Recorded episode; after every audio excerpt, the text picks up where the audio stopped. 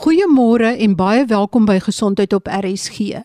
Ons stel vandag in die wêreld van psigoses en hoe sekere middels soos selfs alkohol, maar veral ook dagga en tik sekere psigoses soos skizofrenie kan aanskakel veral in 'n jong mens se brein. My gas vandag is Dr Lize Waig. Sy is 'n psigiater aan die Universiteit van Stellenbosch se departement psigiatrie en ook by die Stikland Hospitaal in Bellville. Dr Waig, kinders as hulle tieners is of jong mense wil tog probeer om nou en dan 'n dagga te rook of 'n pilletjie te sluk en te eksperimenteer. Hoe werk daai verband tussen daai eksperimentering en dat daar dalk 'n onderliggende psigose kan wees? Sekere middels is meer geneig om te lei tot psigiatriese komplikasies. Alkohol kan met kroniese swaar gebruik oor 'n lang tydperk lei tot alkoholgeïndiseerde psigoses en die twee algemene psigoses geassosieer met alkohol is wat ons noem alkoholhallusinose. Dit is wanneer mense stemme hoor gewoonlik kan ook ander hallusinasies wees maar is gewoonlik stemme is gewoonlik redelike negatiewe kritiese stemme wat hulle hoor, maar dis redelik na lang kroniese alkoholgebruik. Alkohol is ook geassosieer met wat ons noem alkohol geïndiseerde waanstering. Dit is gewoonlik 'n jaloesie waanstering en hulle raak oortuig dat hulle eggenoot of seksuele maat eh, nie getrou aan hulle in die verhouding is nie en dit is ook dan dikwels geassosieer met geweld en daar selfs 'n assosiasie met moord gevind met alkohol hallusinose. Ander middels wat geassosieer is met psigose is cannabis of dagga. Jou endokannabinoïdstelsel is verantwoordelik vir 'n 'n klomp funksies, moduleringsfunksies. Een van die funksies is dat dit ander oordragstowwe in die brein reguleer wanneer daar disregulasie in die in ander breinarea oordragstowwe is dit kan lei tot psigose. En interessant genoeg met cannabis weet ons dat die tyd wanneer ons breine matureer adolessensie dan ook die tyd is wat die gevaar vir cannabis geïndiseerde psigose en cannabis geïndiseerde probleme um die hoogste is. Die psigiatriese risiko van cannabis gebruik veral in adolessensie is dan nou die gevaar is dan die hoogste Die ander groot groep wat geassosieer is met psigose is is die stimulante en in die Wes-Kaap is tik of kristalmetamfetamiene dan nou die groot sonnebok. Ook ander stimulante ecstasy en kokaine en ander stimulante kat met katinoon kan alles ook lei tot psigose ander dwelms. Geassosieer met psigose dan nou die hallusinogene. Dit is goed soos LSD, magic mushrooms, ketamine etc middels soos kalmeermiddels wat dikwels misbruik word eh, en pynmedikasie en opiate soos morfine en heroïne is minder geneig om tot psigose te lei, maar is meer geassosieer met ander psigiatriese komplikasies of steurings. As ons dan nou kyk na middels en psigose dan kan dit wees dat die middel self 'n substans geïndiseerde psigose veroorsaak. Psigose is 'n baie nie spesifieke term. Dis iets soos koors. Dit is 'n 'n simptoom wat dui daarop dat daar 'n ander onderliggende probleem is. Dit kan wees 'n mediese probleem, dit kan wees 'n onderliggende psigiatriese siekte of dit kan veroorsaak word deur sekere middels of dwelms dan nou. Hoe tree iemand op wat psigoties is? Psigose uh, presepeteer dan nou met iemand wat kontak verloor met realiteit of probleme het met hulle realiteitstoetsing. Hulle kan hê wane. Nou wane is soos 'n vaste valse oortuiging het wat nie bloot verduidelikbaar is as gevolg van kulturele of geloofs-oortuigings nie wat die persoon aan onwrikbaar vashou wat dan nou van alle waarheid ontbloot is. Byvoorbeeld iemand is uit om my dood te maak of die aliens het iets kom implanteer in my kop of wat ook al. En ons kry verskillende tipes wane, vervolgingswane, grootheidswane, betrekkingswane ensovoorts. Dan kan 'n persoon ook presenteer met hallusinasies. Met ander woorde, iemand kan stemme hoor of geluide hoor wanneer daar geen geluide is nie of goed sien wat nie daar is nie of taktiele hallusinasies, goed voel op hulle vel wat nie daar is nie. Partykeer herken ons bloot psigose aan erg versteurde gedagteprosesse of erg versteurde bizarre abnormale gedrag wat 'n persoon dan nou mee kan persepiteer. As ons psigose sien, as ons daai goeie sien, dan soek ons die onderliggende oorsaak daarvan. En dit kan wees as gevolg van 'n onderliggende primêre psigiatriese siekte, byvoorbeeld skizofrenie of bipolêre stering, partykeer met 'n erge depressie kan iemand psigotiese depressie hê ensovoorts. Daar's ook sekere mediese toestande wat die komplikasie kan hê dat 'n persoon psigoties raak. Byvoorbeeld abnormale paratiroïde met hoë kalsiumvlakke of sekere breintoestande, breinabnormaliteite, siektes, byvoorbeeld sekere tipe epileptiese aanvalle kan persepiteer met psigotiese simptome. En dan nou dwelms is ook 'n groot ander oorsaak of of middels. Hoe onderskei julle tussen 'n onderliggende psigiatriese probleem wat deur 'n middel soos dagga of tik of 'n ander middel aangeskakel word en of die middel self die psigotiese episodes veroorsaak? Dit is 'n penarie wat psigiaters baie keer mee sit en daar's verskillende goed wat ons gebruik om 'n voorkeurdiagnose te maak. Wanneer iemand 'n middel gebruik het wat geneig is om 'n psigotiese stering te veroorsaak, dan moet dit definitief in ons diferensiële diagnose wees. 'n Middelgeïndiseerde psigose is 'n psigose wat gewoonlik redelik vinnig opklaar in meeste gevalle. As die persoon op hom dit te gebruik, dan gewoonlik klaar die psigose binne dae tot weke op. Ander goed wat vir ons kan aanduiding gee is byvoorbeeld as iemand 'n sterk genetiese predisposisie tot 'n psigiatriese stering het. Byvoorbeeld daar's 'n sterk familiegeskiedenis van skizofrenie. In so 'n geval as die persoon 'n middel misbruik en hulle raak psigoties, gaan ons sterk oorweeg of dit nie 'n onderliggende primêre psigiatriese stering is nie. Dan kyk ons ook baie keer in die geskiedenis is daar periodes wanneer die persoon dwelmvry was, maar simptome gehad het van die psigiatriese stering of daar tye was wanneer hulle nie gebruik het nie en die, en die, en die psigiatriese simptome teenwoordig was. Partykeer is dit nie baie duidelik nie en dit vat 'n ervare psigiater om te kan uitsif of dit 'n primêre probleem of 'n onderliggende probleem is. Kan die middel 'n onderliggende probleem aanskakel wat dan nie weer afgeskakel kan word nie? Presies hoe middels 'n psigotiese stering kan presipiteer, is ons nog net besig om te begin verstaan en dit wil lyk van navorsing of mense wat geneties kwesbaar is tot 'n psigiatriese stering meer geneig is om ook 'n middelgeïndiseerde psigose te ontwikkel. Byvoorbeeld as jy 'n sterk genetiese lading het, is jy meer geneig om psigoties te raak indien jy 'n middel gebruik. En indien ten spyte van die feit dat die persoon ophou om die middel te gebruik, indien die psigiatriese simptome nie opklaar nie, dan is dit partykeer dat die psigiaters uiteindelik die besluit neem dat dit was 'n onderliggende stering wat aangeskakel of gepresipiteer was deur die gebruik van die middels. sien julle meer en meer jong pasiënte met dwelm geïnduseerde psigoses? Ja, dit wil wel lyk of substansgeïndiseerde psigiatriese probleme meer algemeen raak.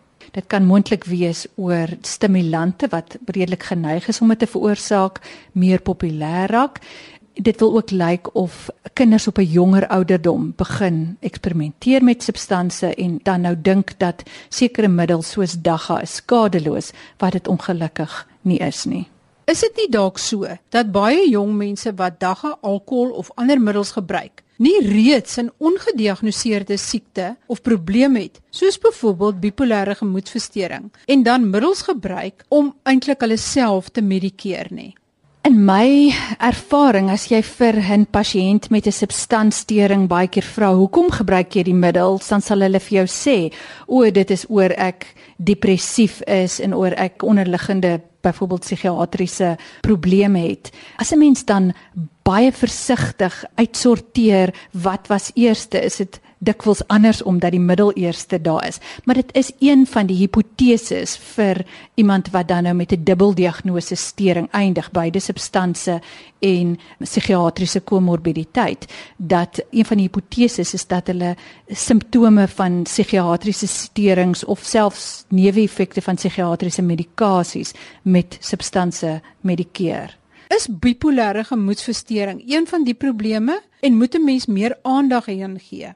Bipolêre stering is van die psigiatriese sterings as jy kyk na die groot epidemiologiese studies, die psigiatriese stering met die hoogste substanskomorbiditeit. Meer as die helfte van pasiënte met 'n diagnose van bipolêre stering in van hierdie groot internasionale epidemiologiese studies het ook dan nou kriteria vir 'n 'n substansstering gehad. Was jy kyk na die algemene populasie, kyk ons na ongeveer sê net maar 10% van mense wat met 'n 'n substansstering eindig. So bipolêr het 'n baie hoë substanskomorbiditeit.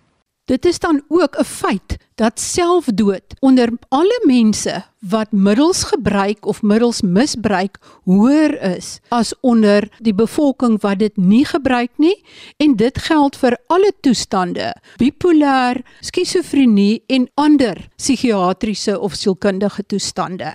Ek gesels nou verder met Dr Lize Waig, psigiater verbonde aan die departement psigiatrie van die Universiteit van Stellenbosch en die Stikland Hospitaal. Ons staan 'n wyle stil by bipolêre gemoedversteuring en hoe dit gekoppel is aan middelmisbruik. Wanneer 'n mens aan bipolêre steuring ly, is daar verskeie redes hoekom so iemand 'n of 'n maniese of 'n depressiewe terugslag kan kry partykeer gebeur dit net, maar ons weet ons kan die kans vir daai terugslag verminder as iemand sy medikasie getrou neem. So dit kan wees dat iemand opgehou het om sy medikasie te neem. Dit kan wees dat hy geweldige stres het, maar substansie of middels, die misbruik van substansie kan ook 'n terugslag van bipolêre steuring veroorsaak. Mens moet miskien mooi seker wees van die diagnose want ons moet onthou dat intoksikasie van sekere middels en herhaalde intoksikasie van sekere middels kan baie lyk soos 'n kliniese beeld van bipolêre steuring. So mens moet mooi kan onderskei is dit herhaalde stimulant intoksikasie met dan wat lyk soos 'n manie en dan nou tydens die onttrekking van 'n stimulant kan mense baie bedruk raak. Is dit bloot as gevolg van herhaalde intoksikasie en onttrekking of is dit dit 'n ware bipolêre steuring wat die persoon dan nou aan ly dat jy dit toepaslik behandel? Wanneer mense hulle dan nou leer om hulle lewe te reguleer om die kanse vir 'n terugslag te verminder dat mense ook kyk na onderliggende substansprobleme en 'n probleemgebruik van substansie en dat 'n mens dit dan nou ook adresseer in die behandelingsplan Kan mens met 'n breinskadering veranderings in die brein waarneem en watse veranderings vind in die brein plaas? Dit is 'n baie interessante vraag en dit is waar die veld van verslawing so opwindende veld is. As ons kyk na wat in die brein aangaan, dan kan ons skanderings neem, ons 'n prentjie kry van hoe die brein lyk met ander woorde of daar volume verlies et cetera met sekere middelmisbruik is maar baie meer opwindend is die funksionele breinskanderings ons kyk na hoe die brein reageer en hoe verslaafde brein anderste is as 'n nie verslaafde brein. Dit help ons om baie beter te verstaan wat dan nou fout gaan in die brein sodat die persoon wat uiteindelik verslaaf geraak het aan 'n middel kompulsief die middel aanhou gebruik ten spyte van die feit dat hulle nie meer wil nie hoekom hulle dit nie kan beheer nie. Ons weet dat met die gebruik van middels alle middels wat dan nou 'n verslawingsgeneigtheid het lei tot vermindering van die funksie van die dopaminerge stelsel in 'n sekere deeltjie in die wat ons noem die mesolimbiese deeltjie van die brein. Dit is 'n redelike eh, primitiewe eh, deeltjie van die brein. Ons, ons praat van die reward pathway, die beloningsarea in die brein. En dit is eintlik nie die regte naam nie dit uh, vir dit nie want dit is nie regtig te doen met beloning nie. Dit het meer meer te doen met oorlewing. So dit is die area in die brein wat vir ons help om gedrag te herhaal wat noodsaaklik is vir oorlewing. As ons byvoorbeeld kos eet, verhoog dopamien in ons beloningsarea wat dan vir ons sê dit is belangrik vir oorlewing en ons moet dit weer doen. Wat dwelms doen, hulle kaap daai deeltjie van die brein. So hulle lei tot massiewe hoeveelhede van dopamien in daai spesifieke area in die brein. En dit is hoekom daar dan nou baie keer die geneigtheid is om as 'n mens eers 'n middel gebruik het, daarvan hou dat 'n mens dit dan nou sal herhaal. Party mense is meer kwesbaar. Uh dit hang af van 'n klomp verskillende faktore, onder andere ook van jou D2 reseptor digtheid in in sekere areas van die brein. Dan nou met herhaalde blootstelling aan die brein lei dit tot verskeidenheid van veranderinge. Onder andere een van die veranderinge is kondisionering. Soos wat uh, mense hond kondisioneer met Pavlov se eksperimente dat die klokkie lui en hy kwyl want hy dink kos kom. So op dieselfde manier raak eh, 'n uh, verslaafde dan gekondisioneer dat mense plekke tyd van die dag ek het geld in my sak Vrydagmiddag wat ook al baie gekondisioneer raak met die beloning van die ervaring van die van die middel en dat dit dan nou net om aan daai snellers blootgestel te wees dan nou kan lei tot erge cravings of versigtiging om die die middel te gaan gebruik. Een van die ander interessante veranderinge is dat met met herhaalde gebruik van middels uh, lei dit dan op die ou en tot wat ons noem hiperfrontaliteit. Nou die nuwe deel van ons brein, ons frontale lobbe wat ons moet laat dink en stop en oorweeg en 'n in ingeligte besluit maak. Dit is of of daai deel van die brein nie optimaal besluite kan neem oor hierdie onderwerp nie. En ons sê ag hy is in ontkenning, maar baie keer is hy nie noodwendig net in ontkenning nie, maar sy frontale lobbe kan net nie lekker die feite in verband met die gebruik van daai middel opweeg of jy besluit of dit nou 'n goeie idee is om te gebruik of nie opweeg op dieselfde manier as wat 'n onverslaafde brein dit byvoorbeeld sal doen nie. Is die veranderings in die brein permanent? Die 12 stappe AA organisasie het 'n sê ding wat sê once a pickle never a cucumber again. En dit is 'n baie waar sê ding. As jy eers verslaaf is dan kan jy nooit weer 'n onverslaafde brein hê nie. Maar ons kan mense vaardighede aanleer om beheer te vat en hulle lewe te organiseer en vaardighede aan te leer hoe om hierdie toestand te hanteer So as jy verslaaf is, beteken dit nie dat jy vir ewig gaan ly as gevolg van die verslawing en moet weerstand bied elke dag en dit gaan 'n stryd vir ewig wees nie. Die breinverandering is daar, jy kan niks daaraan doen nie, maar dit is 'n toestand wat in jou eie hande is en wat as jy jou lewe goed organiseer en jy's gemotiveer en jy doen wat die terapeute jou leer dan nou in 'n behandelingsprogram, behoort jy beheer te kan kry oor die toestand. Kry 'n mens iets soos 'n verslawende persoonlikheid? Daar's 'n paar teorieë omtrent dit. Ek sou nie regtig sê jy's 'n verslawende persoonlikheid nie. Alhoewel ons weet dat as jy kyk in persoonlikheidstoetse, het hulle die persoonlikheid wat graag iets nuuts soek, hou van beloning en hulle is minder geneig om gevaar te vermy. Hulle is ook as jy byvoorbeeld in rekenaarspeletjies kyk, is hulle meer gerig op onmiddellike beloning as op vertraagde beloning. Hulle sal eerder nou ietsie kleins 'n kans op wil vat om nou klein beloning te kry om te wag vir 'n kans om later 'n groter beloning te kry. Dit is maar net persoonlikheidstrekke wat al geassosieer is met verslawing. Dit beteken nie dat so 'n persoon verslaaf sal raak nie, want om verslaaf te raak is 'n klomp goed wat verkeerd loop. Dit is die meer kwesbare persoonlikheid, maar dan nou uh, ander goed kan 'n rol speel, omgewingsfaktore, trauma, hulle kan groot word in 'n omgewing waar dit die norm is om sien maar alkohol te gebruik of dagga te rook. Hulle kan min beskermende faktore hê, kan byvoorbeeld akademies sukkel, ADHD hê, ander gedragsprobleme op skool hê sekere ouer style is is meer geneig met eksperimentering en as jy eksperimenteer is daar 'n hoër kans om substansprobleme te ontwikkel soos 'n klomp goed wat dan nou saamwerk dat die persoon afhanklik raak. Wanneer daai beloningsbaan half gesensitiseer is of of die setpunt die hedoniese setpunt verskuif en dat hulle dan nou baie keer moeiliker beloning en dit is hoekom hulle partykeer dan nou kruisverslaaf raak aan iets anders of iets anderste wat uh, geneig is om 'n dopamien high te veroorsaak, um, geneig is om te gebruik.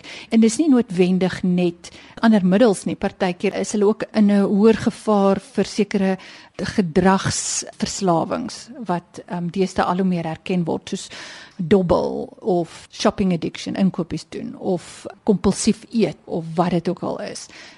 Dokter Waig, as jy 'n seun of dogter van 16 of 17 het en hy of sy wil uitgaan met maats, wat sal jy vir hom of haar sê?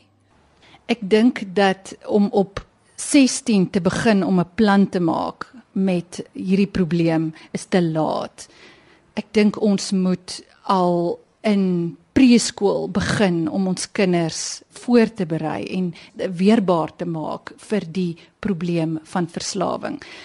Ek dink dat dit gaan oor om kinders te leer om eenvoudige goed soos om te wag vir beloning, daai vaardigheid aan te leer eerder as onmiddellike beloning probleemoplossing, betrokke ouerskap. Byvoorbeeld 'n ouer wat self drink of rook of dagga rook, kan nie van sy kind verwag om dit nie te doen nie. Daai ouer modellering kan 'n groot rol speel. So dit begin eintlik al van kleins af.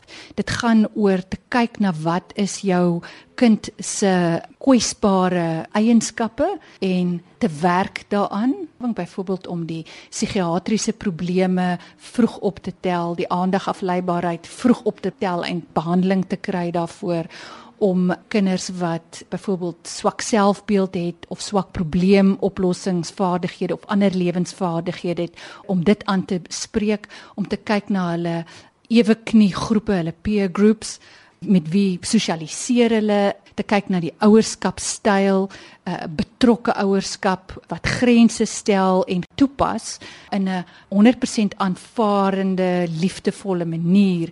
En dan moet ons onthou dat daai deel van die brein wat jou laat rasioneel probleme oplos, nie impulsiewe optree nie. Daai dele ontwikkel later. So 'n adolessent is gefokus op hier en nou en hulle neem baie keer die verkeerde besluite en nie meer noodwendig altyd die regte besluit nie. So ouers moet betrokke wees. Hulle moet weet waar hulle kinders is.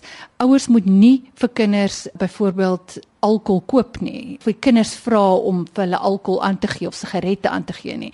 Daai tipe goeters is meer geneig om dan nou te lei tot latere middelmisbruik. 'n Familie moet betrokke wees by mekaar se lewens. Hulle moet weet wat gaan aan in mekaar se lewens sonder om oor te betrokke te wees. Sodat ook as 'n adolessent probleme het dat hy weet dat hy sy ouers kan vertrou om hom te help. Ek dink ouers moet bewus wees van die gevare daar buite sodat hulle vroeg kan optel as dinge nie goed gaan nie. As skoolpunte agteruit gaan of as die kind terugkom en ryk na rook of sy oë is rooi of hy ryk na alkohol, dan moet hulle bewus wees daarvan dat hulle waarskynlik iets moet doen. Ek dink nie dit is 'n goeie idee dat adolessente alkohol gebruik nie. Ek dink die adolessente brein is baie kwesbaar. Ek dink die adolessent is veral baie kwesbaar vir die gevare van dagga adolessente wat gereeld cannabis gebruik, het 'n val in IQ waar meeste ander kinders se IQ opgaan. Die assosiasie met cannabis en skizofrenie is ehm, 'n um, baie sterk assosiasie. Daar's baie redes hoekom adolessent sy brein mooi moet oppas. Tik is dan sekerlik ook gevaarlik. Tik is 'n baie neurotoksiese middel. Tik is geassosieer met multiple neurologiese, neuropsigiatriese en ander gesondheidsprobleme. Psigose, ander psigiatriese probleme, neurokognitiewe inkorting, ens. So dit is regtig nie iets om mee te speel nie.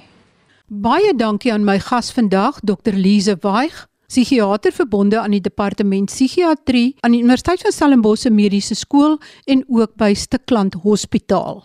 Tot volgende week dan wanneer ons weer gesondheidsake gesels.